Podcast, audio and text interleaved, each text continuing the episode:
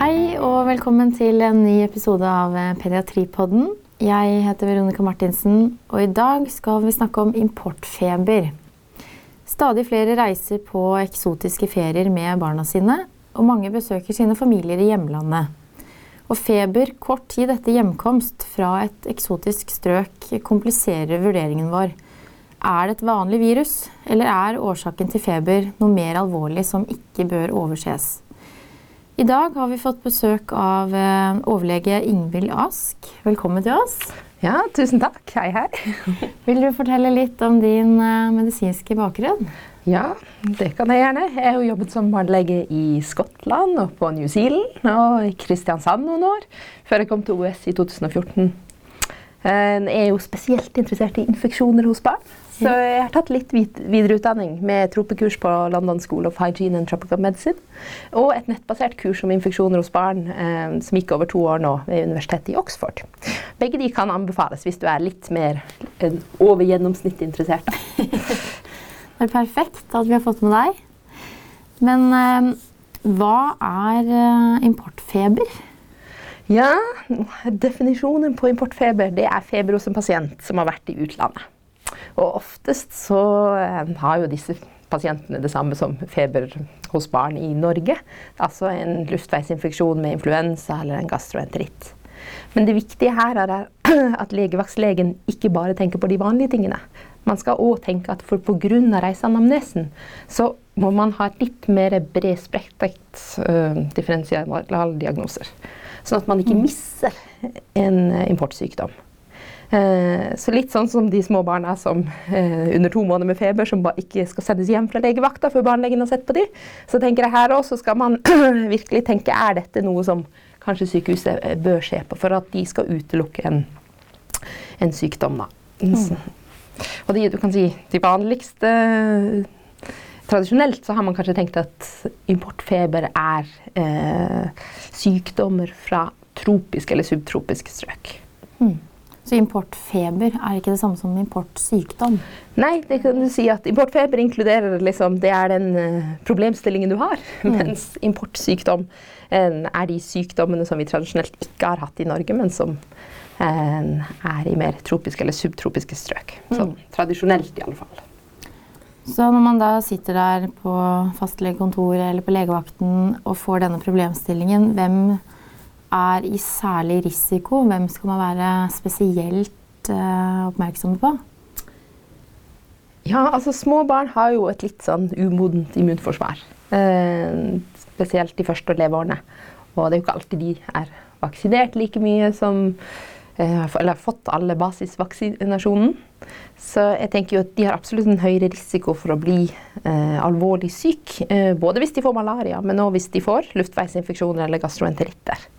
Eh, I tillegg så er det jo barn som kanskje har andre underliggende sykdommer eller immunsuppresjon, eh, som man skal være litt obs på.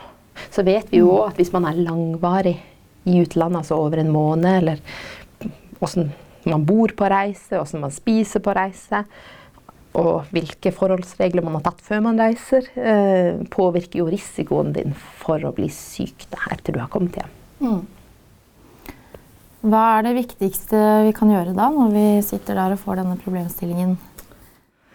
Ja, jeg tenker jo at man må ta en veldig god anamnese. Ja. Nå har man lov å leke litt sånn eh, frøken detektiv, ja. hvis du husker henne. eh, man, kan, eh, man kan egentlig man må bare spørre masse spørsmål. Man må kartlegge. Hvor har pasienten vært? Hvor lenge var de borte? Når kom de hjem? Hvordan bodde de? Eh, tok de noen profylakse mot malaria? Tok de noen reisevaksine før de dro? Eh, er det noen andre i reisefølget som ble syke? Var de i kontakt med dyr? Har de fått noe insektstikk? Eller badet de i ferskvann? Eller har de vært behandlet på sykehus i utlandet? Så du må egentlig bare spørre om mm. alt mulig. Mm. Og da sitter man jo der med kanskje en viss sannsynlighet for det ene eller det andre. Og eh, det fins jo tabeller for hva som er vanlige inkubasjonstider for ulike sykdommer, og hvilke sykdommer som er vanlig å finne i de ulike landene man har vært i. Kan man bruke sånne verktøy for å f.eks. utelukke at dette er malaria? Eller noe annet. Ja, de tabellene er jo ofte ganske store og litt sånn vanskelig å få oversikt over av og til. Mm. Men det er absolutt et verktøy som man kan ha i bunn for å si hva er sannsynlig at dette barnet kan ha. Og jeg tenker Det kan jo for være greit å vite at sånn som denguefeber, zikafeber, uh, chikungunya-virus de har vanligvis veldig kort inkubasjonstid. Så hvis det har gått mer enn to uker etter man har kommet hjem, så er det veldig lite sannsynlig for at det er denguefeber. Um. Mens f.eks. sånne ting som malaria uh, har en minimum inkubasjonstid på seks-syv dager. Så hvis du har en venninne som er i Kenya på ferie, og hun har fått feber tre dager etter hun kom til ferie, eh, Kenya, så er ikke det malaria. Da har hun fått et eller annet annet. Mm. Um, så det er jo litt sånn at Men en del sykdommer kan jo komme både tidlig og sent. Og mm. da er jo de tabellene litt uh, vanskeligere til å bruke. Ja. Jeg tenker jo kanskje det òg er nyttig, i tillegg til de tabellene, å vite hva som finnes hvor. Så er det jo viktig å gå inn kanskje på nettet og sjekke litt hva er vanlige sykdommer i det landet personen har vært i. Og mm. er det noen epidemier der nå? F.eks. så er jo influensa, uh, som her i Norge har høysesong rundt jul og på vintertiden, så er det jo en helt annen influensasesong på den sørlige halvkule. Mm. Det finnes jo et hav av ulike sykdommer man kan eh, pådra seg på reise. Men uh, det er jo da naturlig å tenke at man må utelukke det som er faktisk farlig og som man kan gjøre noe med. Men hva haster det å utelukke, da? Ja, jeg syns det er et veldig bra formulert spørsmål. Eh, fordi man, Når man tenker på importfeber, så tror jeg mange syns det er litt sånn overveldende tema. For det er så utrolig mye forskjellig sært som eh, kan komme, man kan få når man er i utlandet. Men jeg tenker det er kjempeviktig at man tenker litt sånn enkelt. Hva haster det å finne ut av nå? Og hva kan vi liksom tenke på i morgen eller dagen etterpå, hvis man da ikke har funnet ut av det. Mm. Uh, så, sånn som hos andre barn med feber, så tenker jeg kanskje det er viktig at man ser hvor sykt er dette barnet. Har det en potensielt livstruende sykdom? altså Har det sepsis eller meningitt? Og hvis de i tillegg har vært i utlandet og har noen av det, så må man kanskje tenke litt på antibiotikavalg, der man vet at man kan lettere ta med seg resistente mikrober hjem fra ferie. Mm. de vanligste importsykdommene vi ser hos barn, som er viktig å tenke på tidlig, er jo malaria og tyfoidfeber. Mm. Um, så de tenker man skal ha liksom, ganske langt fram i hodet å tenke kan dette være en av de. Mm. mm. Og veldig mange tar jo eh, malariaprofylakse på ferie. Eh, men hvis man har tatt det, er man da 100 sikkert at man ikke får malaria? Ja, det er jo det er fint at folk tar malariaprofylakse, tenker jeg generelt. Eh, men jeg tenker jo at det er minst like viktig at man tar ikke-medikamentell eh, profylakse. Altså man bruker myggnetting og myggspray og sånt. Um, sånn at man hindrer myggstikk. For da unngår du jo ikke, ikke bare malaria, men du unngår jo dengue og leishmaniasis og andre sykdommer. Mm. Um, men i utgangspunktet kan du si at Malarone f.eks. er jo en god malariaprofylakse for falciparum malaria. Den virker bra, for den virker både på blodstadieparasitten og den tidlige leverstadiet. Um, og Derfor kan du jo slutte å ta den allerede syv dager etter gjenkomst. I mm. forhold til f.eks. doxycyklin, som du skal ta i fire uker etterpå. uh, men man skal også være klar over at malarone det har ikke noe effekt på de hypnocyttene i leveren som uh, plasmodium vivax ovale lager. Uh, så det gjør jo at selv om man har stått på eh, malaroneprofylakse, så kan man få et residiv av malaria sånn flere måneder etter gjenkomst. faktisk. Mm. Ja, det er jo ikke noe man kanskje tenker på. Nei. Nei. Så hvis det er områder med mye av det, så er jo det en risiko. Mm. I tillegg så er jo Malaron en ganske dyr medisin. Um, så compliance er jo ikke alltid perfekt, for man skal jo ta den daglig. Mm. Og noen kjøper jo Malaron i utlandet, og det er jo av litt variabel kvalitet av og til. så det er ikke alltid det er til å stole på. Um, man kan mm. jo heller ikke ta, altså Hvis man skal bo i utlandet i et halvt år eller et år, så er jo ikke dette heller en reell uh, medisin man kan basere seg på da. Nei. Så har det jo òg noen interaksjoner med andre medisiner. Så hvis man står på tetrasykliner, eh, afibran, rifampicin og enkelte hiv-medisiner, så kan det føre til lavere plasmakonsentrasjon av malarone. Mm. Så jeg, jeg, vil jo si ja. Malariaprofylakse er, er, bra, og det funker bra for falciparum-malaria, men eh, man skal aldri stole 100% på at de har stått på det. Da kan de ikke få malaria. Alltid ta en malariatest. Mm. Og tyfoidfeber, da, som også nevntes som en alvorlig sykdom, Ja, eh, den har man jo også vaksine mot. det stemmer det. Det fins en eh, relativt god vaksine mot tyfoidfeber. Man jobber jo med å få mye bedre vaksiner, spesielt å få det til yngre barn. Eh, Men den vi har nå tilgjengelig i Norge, den er ca. 70% effektiv. Den fins både i pilleform i Norge og i injeksjon. Men begge er ca. 70 effektive, og varigheten av det er ca. tre år. Eh, Så da må man jo huske å ta den på nytt hvis man igjen skal på tur. Eh, Og det andre er jo at den å kun virker mot salmonella tyfi, og ikke mot salmonella paratyfi. Som er en økende årsak til tyfoidfeber. Da. Men um, hva er de vanligste årsakene til feber under eller etter reise, da? Ja, du kan si at de vanligste årsakene til feber um, er jo som hos norske barn som bare har vært i Norge, årsak til feber. Altså luftveisinfeksjoner, tarminfeksjoner, hudinfeksjoner. Um, men man må jo da i tillegg tenke på ikke bare norovirus og rotavirus, men du må også tenke på eh, bakterielle tarminfeksjoner og ikke minst parasitter, for det er mer vanlig hos folk som har vært ute og reist. Eh, I tillegg så kan du få mye informasjon av å se på huden. Mm. Hvis man gjør en grundig undersøkelse, så kan man jo se sånne eskar, sånne skorpebelagte sorte sår etterkant av et flåttbitt etter folk som har vært på safari. Og da er det jo liksom textbook classic. Nå har du rickettsia. Men det ser vi jo vanligvis ikke. Vi ser jo vanligvis inntektsbitt som har hudinfeksjoner i seg, eh, eller skabb. Eller kanskje litt mer eksotisk larva migrans eller kutan leishmaniasis. Eh, Ellers er det jo viktig å se etter barn som har gulsott. Eh, kan jo gi et hint om at det kan være eh, noe problem med leveren. Hver høst har vi jo inne noen som har fått hepatitt A eh, etter de har vært på reise som ikke har fått vaksine på forhånd. Ja. Um, men jeg tenker det, malaria er nok den vanligste av de alvorlige importsykdommene. Mm. Og det er noe vi ser eh, hvert år på Ullevål. Eh, I Norge så er det mellom 10 og 30-40 barn som får malaria hvert år. Eh, det høres kanskje ikke så mange ut, Nei, det eh, det. men eh, det er en sykdom som er veldig viktig å ikke misse. Fordi symptomene kan være veldig uspesifikke. Du kan ha feber, du kan ha litt influensasymptomer, eh, du kan ha luftveisinfeksjoner, du, symptomer på det, eller du kan ha symptomer på tarmsykesymptomer. Eh, så du kan bli litt forvirret eller litt lurt. Eh, men du har på en måte altså en behandling som virker svært bra. Eh, og hvis du ikke får behandla malaria, så kan du ha et stormende forløp. Med kollaps og eh, tap av bevissthet. Du kan ha kramper, du kan ha nyresvikt. Du, eh, det er ja, en skummel diagnose, eh, så det er viktig å huske å lete etter hvis det kan være risiko for det. Mm.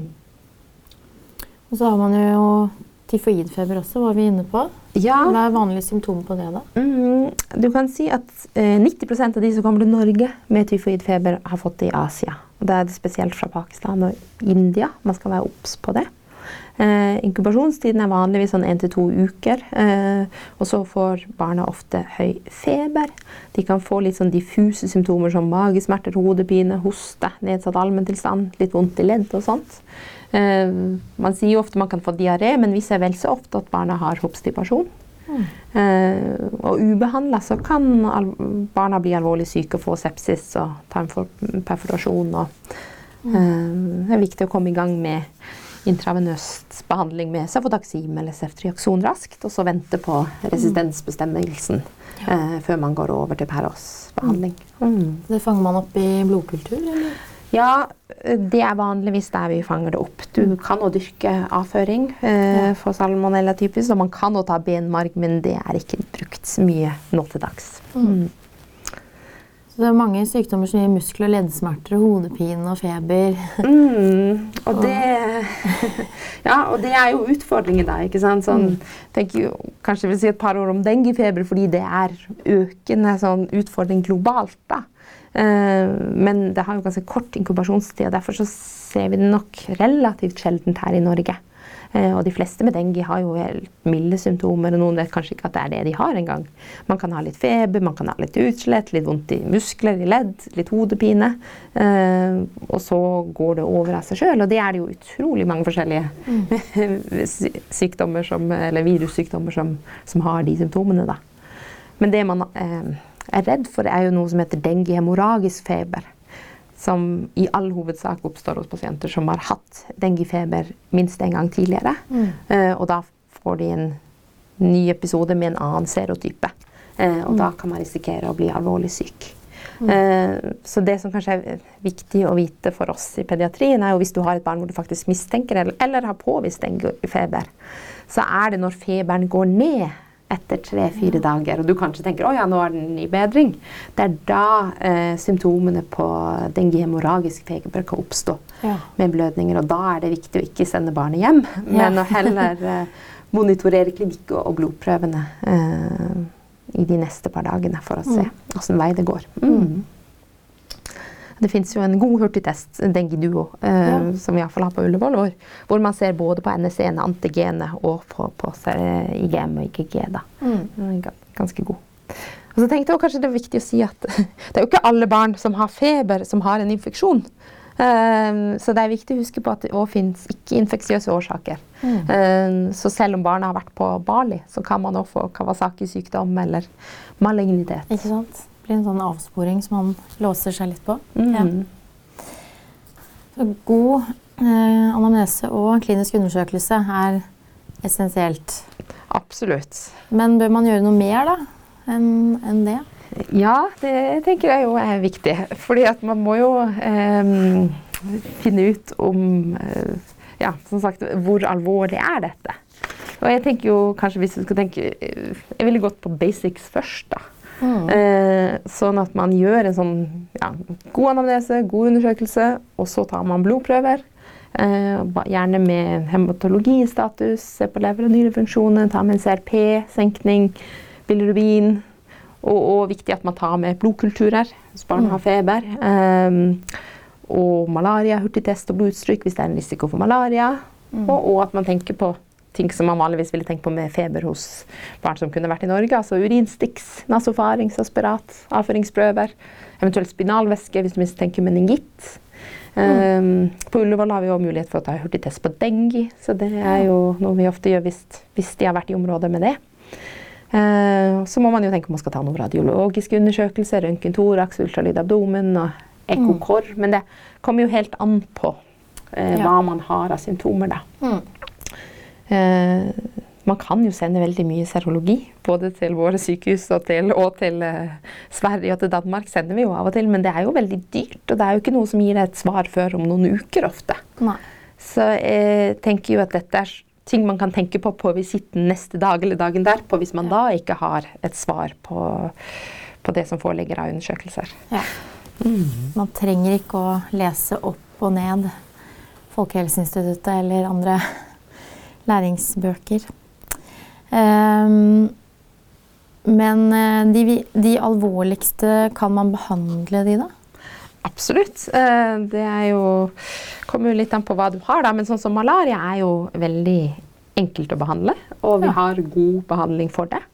Eh, likevel så er det jo sånn at på verdensbasis så dør over 400 000 eh, av malaria hvert år. Eh, men det er jo hovedsak fordi de har, eh, mangler tilgang på god diagnostisering og behandling raskt nok. Um, så jeg tenker jo at det er Her i Norge så bør vi ikke la det skje. Sånn at eh, har du et barn hvor du mistenker malaria, så skal du være sikker på at den ikke har det før du sender den hjem. Så er den første malariatesten negativ, og du fortsatt mistenker det, så sier vi at man helst bør ta tre Eh, prøver før man kan utelukke det. Eh, veilederen ble for øvrig oppdatert på malaria i 2017, tror jeg. Og der gir det en sånn grei oversikt over behandling, da. Ja.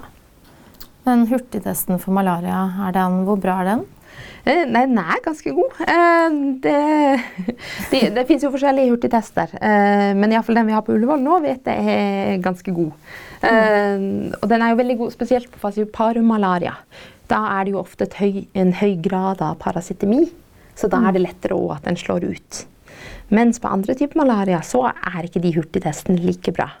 Um, og sånn som på plasmodium novlesi tror jeg ikke de virker i det hele tatt. Nei. Så vi anbefaler alltid at man tar et tykt og tynn dråpe i tillegg til hurtigtest. Um, både fordi det er lettere å artsbestemme, og fordi det, det er mer sensitivt hvis man er god på å mikroskopere. Da. Ja. Uh, men man kan òg få et tall på parasitemien. Mm. Uh, så det sier noe om, om, hvor syke barna kan være. da. Så når man da mm, legger inn barnet, da, man vet ikke hva som feiler barnet, skal man isolere alle? Er det eh, stort sett noe smittsomt der, eller? ja, det, det, er jo litt både òg. Man må jo se på symptomene. Men jeg tenker det er eh, spesielt med importfeber så bør man ha tenkt gjennom selv før man legger inn barnet. Kan dette være noe smittsomt? For en situasjonen er jo hvis barnet har vært på eh, på sykehus i utlandet. Da skal de jo uansett isoleres, og man skal ta prøve for MRSA, VRE og SPL. Eh, men det andre er jo at det er en del smittsomme sykdommer, sånn som meslinger og tuberkulose og altså, mm. ytterst ekstremt altså ebola. ikke sant? Ting som ja. eh, man kanskje bør ha tenkt på da, før, allerede ja, før barna kommer til mottaket. Mm. Mm. Um, kan man gjøre noe som pasient eller pårørende eh, for å forhindre risikoen for smitte?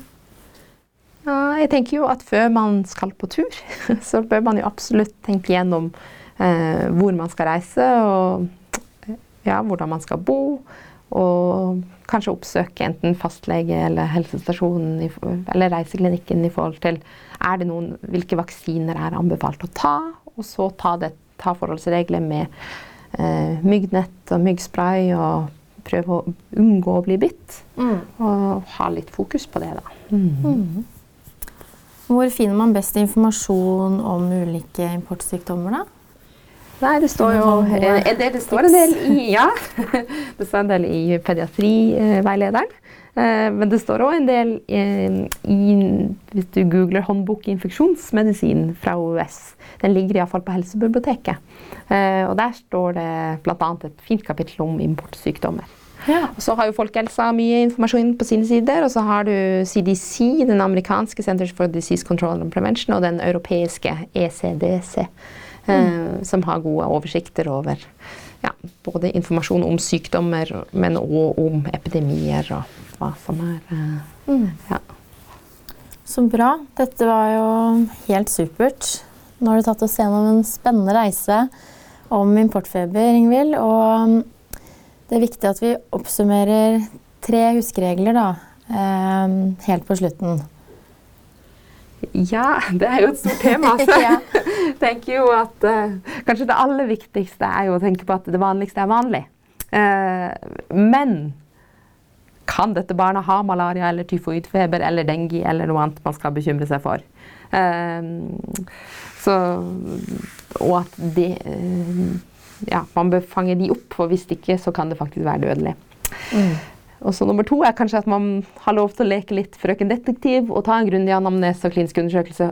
Og ikke minst for å kartlegge alvorlighetsgraden eh, på, for dette barnet. Og tredje take home message. Eh, er vel kanskje det om, man, om, det er noe mistanke for at det er eh, multiresidente bakterier eller smittsomme sykdommer som man bør eh, mm. isolere, da, og eventuelt vurdere å melde smittevern. Ja. Mm. Tusen takk for at du ville komme, Ingvild Ask. Og tusen takk til alle dere som lytter på. Vi er, som dere nå vet, forhåpentligvis, å finne på Spotify, iTunes og appen Podbean. Da kan dere søke etter Pediatripodden, så dukker vi opp. Og veldig, vi blir veldig glad hvis dere kan sende kommentarer, spørsmål eller tips til nye temaer på eh, Facebook eller pediatripodden at os-hf.no. Jeg heter Veronica Martinsen, og vi høres neste uke.